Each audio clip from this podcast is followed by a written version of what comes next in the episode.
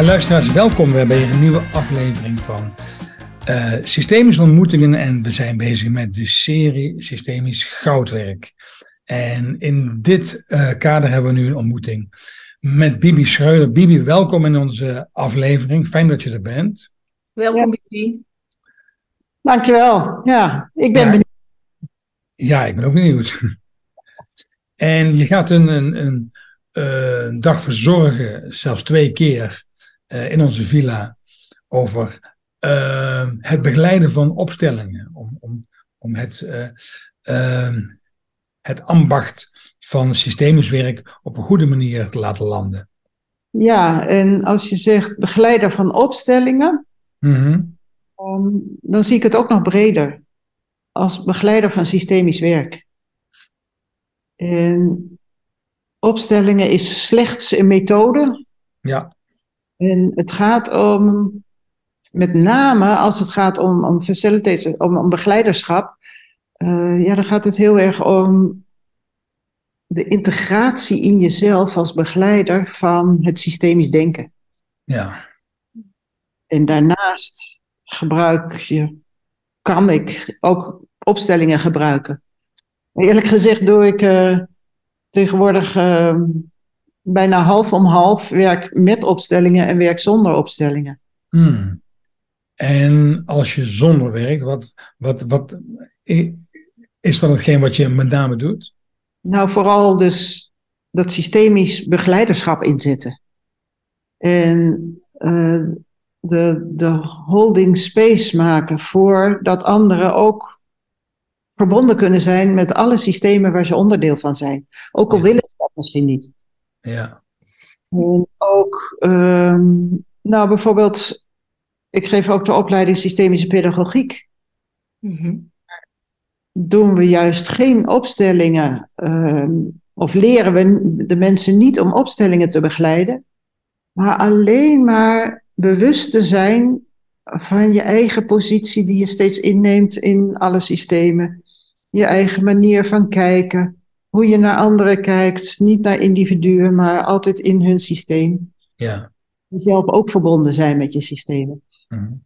En dat heeft al zo waanzinnig veel invloed op bijvoorbeeld de, de groepen, de kinderen waar ze mee werken. Mooi zeg. Ja, snap ik. Ja. Daar doe ik ook veel systemische coaching. Ja. Ja, dan gebruik ik wel eens vloerankers papiertjes op de grond om het visueel beeld te maken voor de, voor de cliënt. Maar het vooral dat ik me kan intunen op alle systemen van de cliënt, waar de, waar de cliënt zelf misschien geen verbinding mee kan of wil maken. Ja, en um, je, uh, je zei zo mooi toen we elkaar laatst spraken, ik zie mezelf als de hoedster van systemisch in Nederland. En dat vond ik een prachtige uitspraak. Ja, aan de ene kant is het prachtig. Aan de andere kant merk ik ook wel eens, uh, misschien ben ik wel een beetje geïdentificeerd met het uh, systemisch werk. Nou, dat probeer ik uh, wat te ontrafelen en te ontkoppelen. Maar ja, dat, dat is inderdaad wel zo, misschien ook wel door die identificatie, dat ik heel erg gespitst ben op als we systemisch werk bedoelen, dat we het ook werkelijk systemisch doen door ja, niet alleen naar de opstellingen te kijken, maar juist wat ik net ook zei, zo ja. kunnen zijn met alle systemen. En bijvoorbeeld ook met die systemen waar je het liefst heel veel oordelen over zou willen hebben. Ja. Oordelen over hebt. Ja, ja dat is belangrijk dat je daar bewust van bent. Ja, mooi, zo zegt. Ja. Dus voor mij gaat systemisch werk heel erg over, het, over bewustzijn. Mm-hmm op dit moment heel erg helder hebben waar ik me wel mee kan verbinden en waar ik me niet mee kan verbinden. En dat is ook eigenlijk het, het contract waar ik mee begin. Allereerst het contract met mezelf, dan het contract met de cliënt. Van nou, dit kan ik bieden en dit kan ik vandaag misschien niet bieden. Uh, wat kom je halen? Uh, en match dat. Ja. Dat elke keer weer.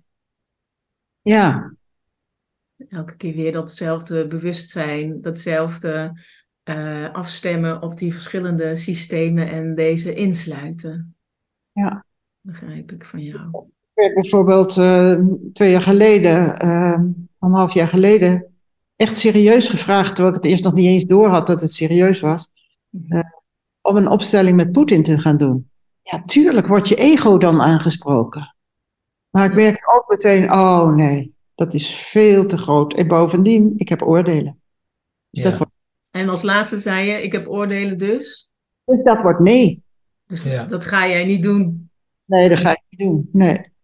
Nee, nee zolang ik merk dat ik een wantrouwen heb over wat iemand met die opstellingen gaat, of met de inzichten daarin gaat doen, ja, dan, dan kan ik daar niet mee werken. Nee. Nee. snap ik.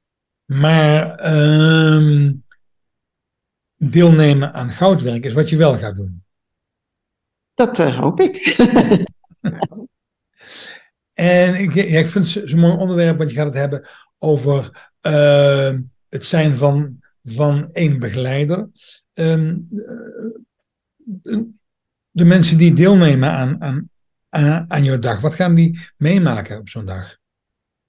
Ja, dat vind ik dus een hele moeilijke vraag, want eh, het is pas over een jaar en eh, wie weet hoe ik er dan over denk. Ehm, ja, wat mij gaat het over het begeleiderschap en dus over jezelf als instrument wat je in kan zetten als begeleider van systemisch werk. Of dat nou coaching is, of dat nou met opstellingen werken is. En ja, hoe, hoe kan je, waar, waar kan je allemaal op letten en zo je bewustzijn vergroten over dat instrument wat je zelf bent? Mhm. En een van de dingen is natuurlijk dat, dat we onze ogen open hebben voor de dingen die we veroordelen. En het niet goed praten, niet mooier praten, want het is werkelijk een illusie als je zegt dat je oordeelloos bent. We hebben het vaak wel over oordeelloosheid is een van de belangrijkste voorwaarden. In het echte leven gaat dat niet. Want ook oordelen hebben een belangrijke functie. Alleen voor het contract wat je aangaat met de cliënt, ja, dat moet wel vrij van oordelen kunnen zijn. Ja, op dat moment, ja. Ja. ja. Wat is de functie van oordelen in het gewone leven volgens jou? Oh, dat is een, een fantastisch selectiemiddel om dat wat je wel aan kan in te sluiten. En dat wat je niet aan kan, wat op je afkomt in het leven, dat gooi je over de schutting. Dus oordelen maken, maken heldere hekjes om je, om je tuin heen. Mhm. Wat mag hier binnenkomen en wat mag hier niet binnenkomen? En ja, voor het gemak noemen we alles wat in ons tuintje is goed. En alles wat aan de andere kant van het hek is, noemen we slecht. Ja. Ja, dat, is, dat is gewoon de makkelijkste manier om te kunnen leven met, of overleven met alle overweldigende dingen die om ons heen komen. Ja, wat ik, wat ik ook wel heel erg hoor is als je het hebt over oordelen als eh, kader, ehm, is weer wat anders dan veroordelen. Dus je Hmm. kan. Ik geloof dat het niet zo heel veel verschilt. Het is in, in wezen is het ook het hebben van meningen helpt je om te weten waar je bij hoort en waar je niet bij hoort. Ja, en we worden in deze maatschappij en ook in het onderwijs heel erg opgevoed om ergens iets van te vinden. Ja, dat is alleen maar omdat mensen benieuwd zijn, waar hoor je bij? En wil ik er dan ook nog wel bij horen? ja. Ja wil ik dan bij jou horen. bezig om uit te vinden hoe, hoe we bij een systeem kunnen horen of juist niet bij een systeem kunnen horen. Middels onze mening, middels ons oordeel. ja. Ja, ja. En daarom is denk ik in, in deze westerse wereld het best wel ingewikkeld om begeleiderschap op de systemische manier te doen. En even geen oordelen te hoeven hebben en geen meningen te hoeven hebben. Mhm. Op dat moment dat je bezig bent met het uitvinden voor een cliënt. Wat in dit systeem wil nog een plek hebben? Nou, meestal zijn dat dus de dingen of de mensen die veroordeeld zijn. Of die buitengesloten zijn doordat hun gedrag niet paste in ons hokje. Hmm. Mhm.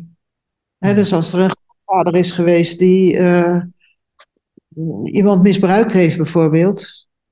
Ja, hoe ga je daarmee om als familie? Want het vervelende van een familie is er, die grootvader hoort er dan bij. En als kleinkind hoor je er dan dus ook bij. Dan ga je dus of heel erg oordelen hebben over wat er gebeurd is. Of je doet het in de doofpot. Want dan kan je tenminste nog een opa hebben. Ja. Of je het meer zien. Dus die, de drie manieren van daarmee omgaan kosten allemaal heel veel energie. Want het systeem wil domweg een compleet geheel zijn. En een geschiedenis hebben die, waar alle gebeurtenissen gewoon chronologisch een plek hebben. Ik zit, jij zegt dit zo, hè, over een opa in zo'n systeem. Ik kom uit zo'n systeem met zo'n opa, met zo'n eh, geschiedenis. En ik zit me even af te vragen hoe ik daar eigenlijk zelf mee omga. Nou ja, dat is dus het interessante. Dat het ook wel belangrijk is om een beetje bewust te zijn van je eigen patronen. Want dat zijn precies de blinde vlekken die je hebt om naar patronen van andere systemen te kijken. Ja. Ja. Ja. En, en ja, ik kan me heel goed voorstellen dat als je zo'n opa hebt, dat het niet makkelijk is om met een cliënt te werken die hetzelfde is overkomen. En soms is ons geheugen zo ontzettend knap in dat gewoon wissen.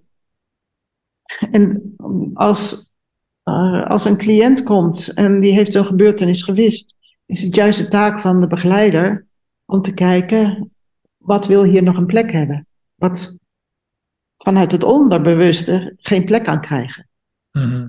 Ja. Maar als begeleider is het dan natuurlijk ook wel belangrijk om te, ja, te herkennen, ah, daar is, zit misschien ook nog iets wat bij mij ook nog geen plek heeft gekregen. Ja, wat mij nu overkomt, wat wel heel boeiend is, is dat ik ehm eh, mijn nichtje in de opleiding heb. En ehm, ja, als zij haar systeem van herkomst opstelt, dus haar ehm, moeder is een zus van mijn vader, dan eh, stel ik ook een, op een bepaalde manier mijn eigen systeem van herkomst op. En eh één keer was dat, vond ik wel vrij intens, om dat allemaal te verhapstukken, zeg maar, zowel in mezelf als ehm, eh, wat er dan in de opstelling gebeurde. Ja. Dat was een, was een boeiende ervaring. Om, om zeg maar wat er in mezelf gebeurde aan gevoel, om dat niet eh, te laten ehm, op de voorgrond te zetten, omdat dat niet dienstbaar was aan de opstelling, omdat het overduidelijk mijn eigen gevoel was. Dus om dat te voelen, zo, het te laten zijn en eh, eh, begeleider te zijn van de opstelling van mijn nichtje. Ja. Zo, ehm, Prachtig als dat lukt. En het kost ook energie. Precies wat Zelfs als je erover vertelt, ja. Dat- dat mijn ademhaling al hoog wordt. Ja. Hè, Dus Ja. alleen dat al is zo belangrijk om dan een goed contract met jezelf te kunnen sluiten. Ga Ja. ik, of ga ik ervoor zorgen dat iemand anders dit gaat doen? Want dit is ook mijn systeem en daar zal ik ongetwijfeld blinde vlekken in hebben. ja. Het was er eigenlijk ook voordat ik het eh, wist, zou ik maar zeggen. Dat ik dacht, oh ja, dat, dat is natuurlijk zo. Dat, ehm, dat het tegelijkertijd ook eh, in mijn lijf intensiteit geeft, als het daarover gaat. Ja, vrijwel iedere coaching, iedere opstelling merk ik ook van, ah ja, dit kan ik er ook nog van leren. Ja. Er zit altijd wel iets voor jezelf in. Ja, gelukkig. Dat maakt het werk ook zo boeiend. Ja, ik, als je zo'n zo'n gesprek hebt, dan ga ik met mijn aandacht naar mijn jeugd, waar ik ehm, eh, eh, eh, twee verschillende ouders had. Die, mijn ouders ieder opgegroeid in een heel ander deel van het leven. Mijn vader komt uit Amsterdam, uit een volksbuurt. Mijn moeder komt uit Den Haag van de chic. En ik heb zowel geleerd om mee te gaan met mijn oma, waar ik heel veel van hield, uit Amsterdam. Die elke dag aan het zingen was. Als ook bij mijn opa in Den Haag. En als we daarheen gingen, dan zei mijn moeder altijd, denk eraan, één koekje. Eén, niet meer dan één koekje pakken, want oh, dan zwaait er wat. Terwijl in Amsterdam mocht alles. Ik, ik, ik mocht echt alles helemaal opvreten, weet je wel, dat. En dus, dus ik, ik heb heel lang gedacht in mijn tijd dat ik op het groeien ben, maar wat is nou mijn mening eigenlijk? Wat vind ik? Omdat ik heel, heel, heel snel kon, kon inkomen in wat de een zei en wat de ander zei. Dus het is heel, heel grappig dat ik ook in mijn jeugd weet, ik, heb uh, gesport met allemaal gezonde mensen. Maar ik, ik, ik heb ook gespeeld in, in een band waar heel veel alcohol omging en drugs. Dus ja, die, die twee kanten, dus als jij dit zegt, die oordelen, dan denk ik, ja, bij mij is dat vooral zo van, en wat vind ik dan? Dat ik heel makkelijk mee kan gaan. En ik ga heel snel moeten leren als opsteller ook, om, om, om mezelf uit die flow te halen van het meegaan. Ja. Omdat ik het heel goed ken. Ja, zeker, ja. En dat is natuurlijk ook uh, het ingewikkelde, dat heel vaak willen mensen een opleiding, familieopstellingen bijvoorbeeld doen, mm. merken dat ze dit zo gevoelig zijn voor anderen. Maar dat kan juist een enorme belemmering zijn. Aan de ene kant krijg je misschien wel veel informatie door, maar je moet ook op een gegeven moment, ja, wat wij dan vaak liefdevol meedogenloos noemen, ja. Of misschien zelfs wel even ongevoelig zijn.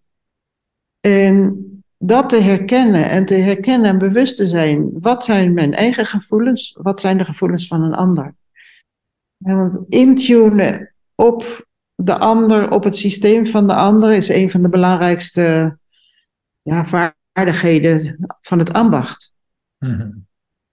Maar dan moet je wel weten, wat ik nu merk in mijn eigen lichaam, wat ik nu voel, of welke gedachten er nu komen, is dat nou van mij of heb ik dat als informatie gekregen van de ander? Ja. Nou, ik check dat meestal, omdat ja, de tussenruimte tussen mij en de cliënt is, is eigenlijk het allerbelangrijkste. Um, om te voelen waar zit mijn aandeel van de relatie en waar ontmoet ik de ander in die relatie. En ook daarin zit heel veel informatie. En de informatie, bijvoorbeeld in, helemaal in het begin, uh, wat ik vaak afcheck, is: kan ik überhaupt die cliënt bereiken? En is dat ergens halverwege dat, uh, dat relatiedraadje tussen onze twee stoelen in? Of is dat helemaal bij de cliënt of dwars door de cliënt heen? Of is dat in mij? dus dat is ook vaak zoiets van, daar heb ik heel erg van Stefan Hausner geleerd, van hoeveel afstand durf ik te nemen. En dat is vaak veel meer dan, dan mensen gewend zijn. Om daar ook werkelijk op in te kunnen tunen. Hmm. En dan uh, soms dan uh, heb ik zoiets van, goh, het lijkt wel alsof ik uh, het heel benauwd krijg. Het lijkt wel alsof ik helemaal niet meer adem. Ik voel spanning. Is dat nou alleen van mij? Of is dat ook van jou? Nou, meestal is het antwoord niet in woorden, maar oh ja, sorry, ik uh, ademde helemaal niet. Ja, dan weet ik dat het ook van de cliënt is en dat mijn lichaam daarop ja. reageert.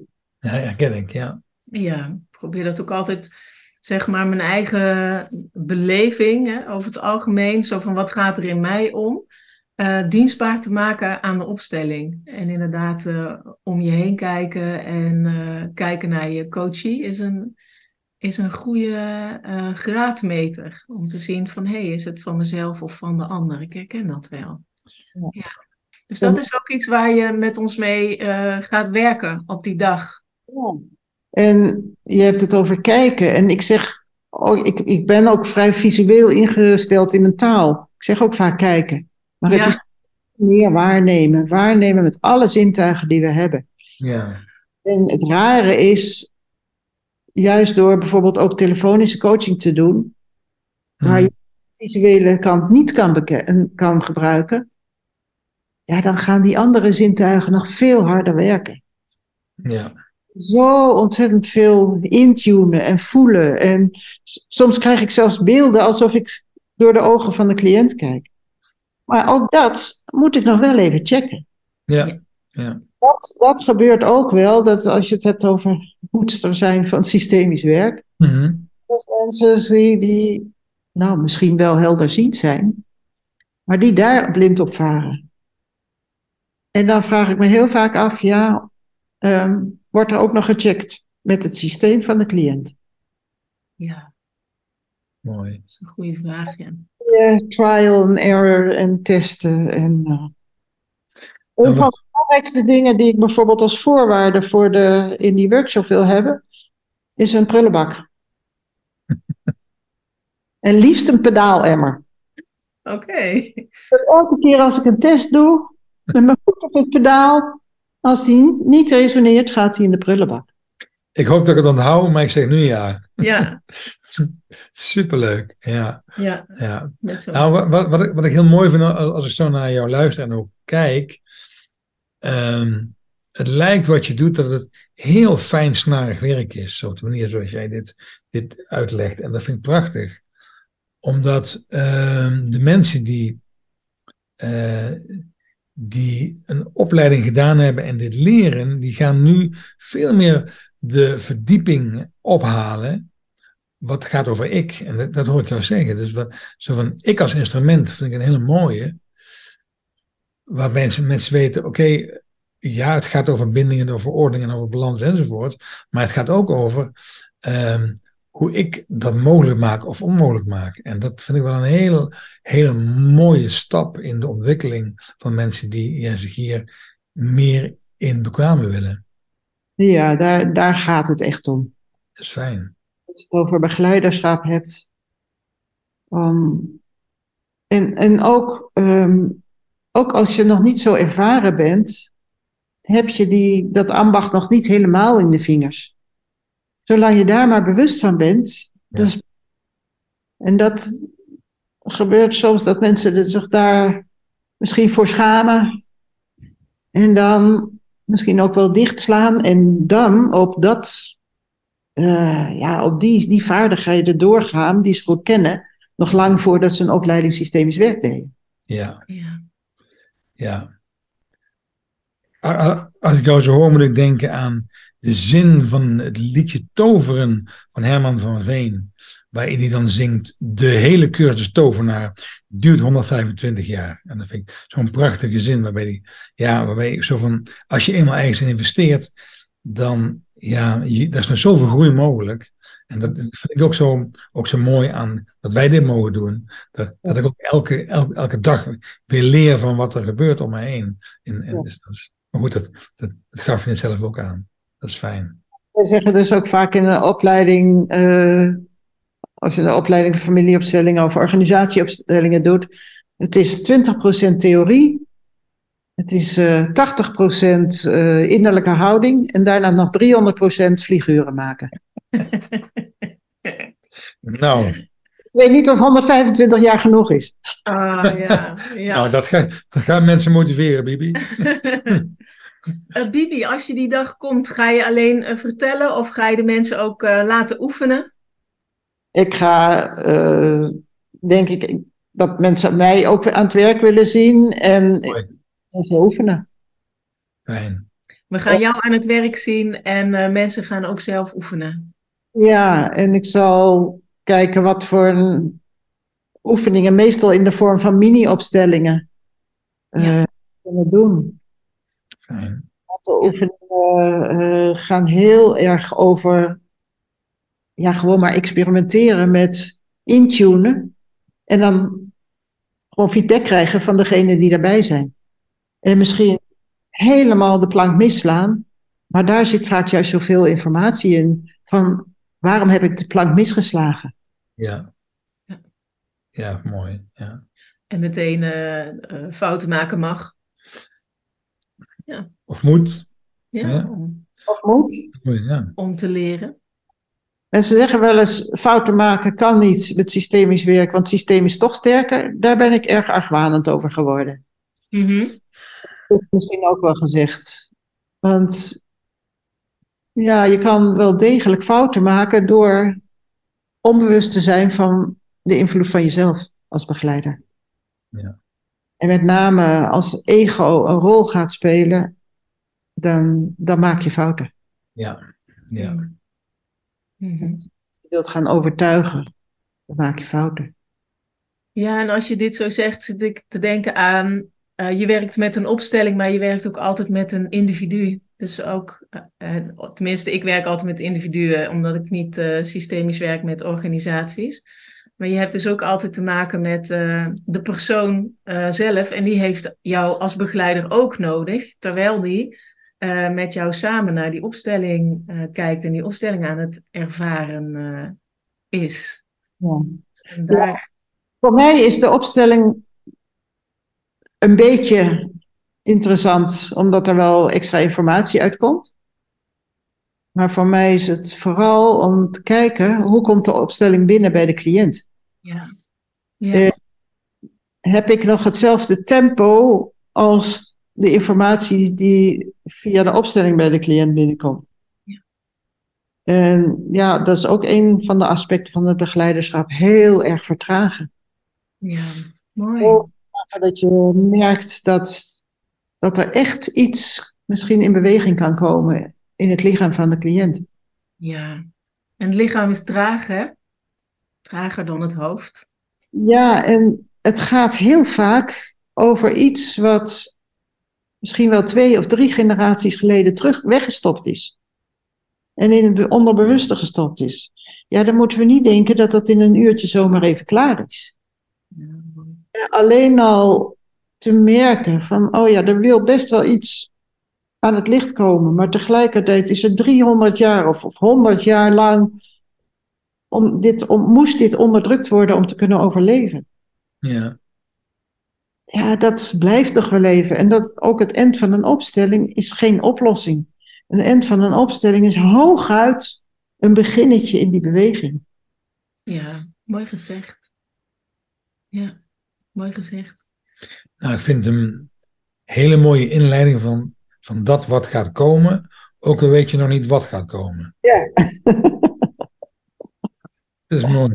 Voor, eh, voor, voor iemand die tot in de puntjes onvoorbereid was, zoals je ons voorgesprek eh, begon, Ja, hè? Was, het, was het een heel mooi gesprek, hè? leuk, fijn. toch? Ja. Nou ja, en ik vind het vooral fijn dat mensen die geïnteresseerd zijn weten, als ik hier op inteken, dan ga ik mezelf als instrument leren ontmoeten en mijn groei daardoor aanzetten. Dat gun ik iedereen. Ja, ja dat is Dus dankjewel Bibi dat wij eh, e- even bij je mochten aankomen om, om dit op te halen en het te verspreiden eh, over het World Wide Web, Ja, nou in het Nederlandse taalgebied lijkt me. de Nederlandse taal. Ja. Ja. Zullen we nog even een selfie maken? Maak even een fotootje. Ja. Ja. Ja. Nou, dan gaan we voor de luisteraars eh, afsluiten. Luisteraars, dankjewel. Dit was ehm, de eh, tweede aflevering over systemisch goudwerk met Bibi. En ehm, nou, hopelijk tot snel. Bibi, hartelijk dank. Dankjewel. En luisteraars, tot de volgende keer bij goudwerk, systemische ontmoetingen. Doei.